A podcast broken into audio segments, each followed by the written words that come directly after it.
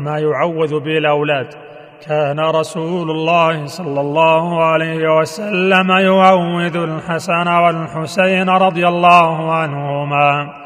يقول أعيذكما بكلمات الله التامة من كل شيطان وهامة ومن كل عين لامة.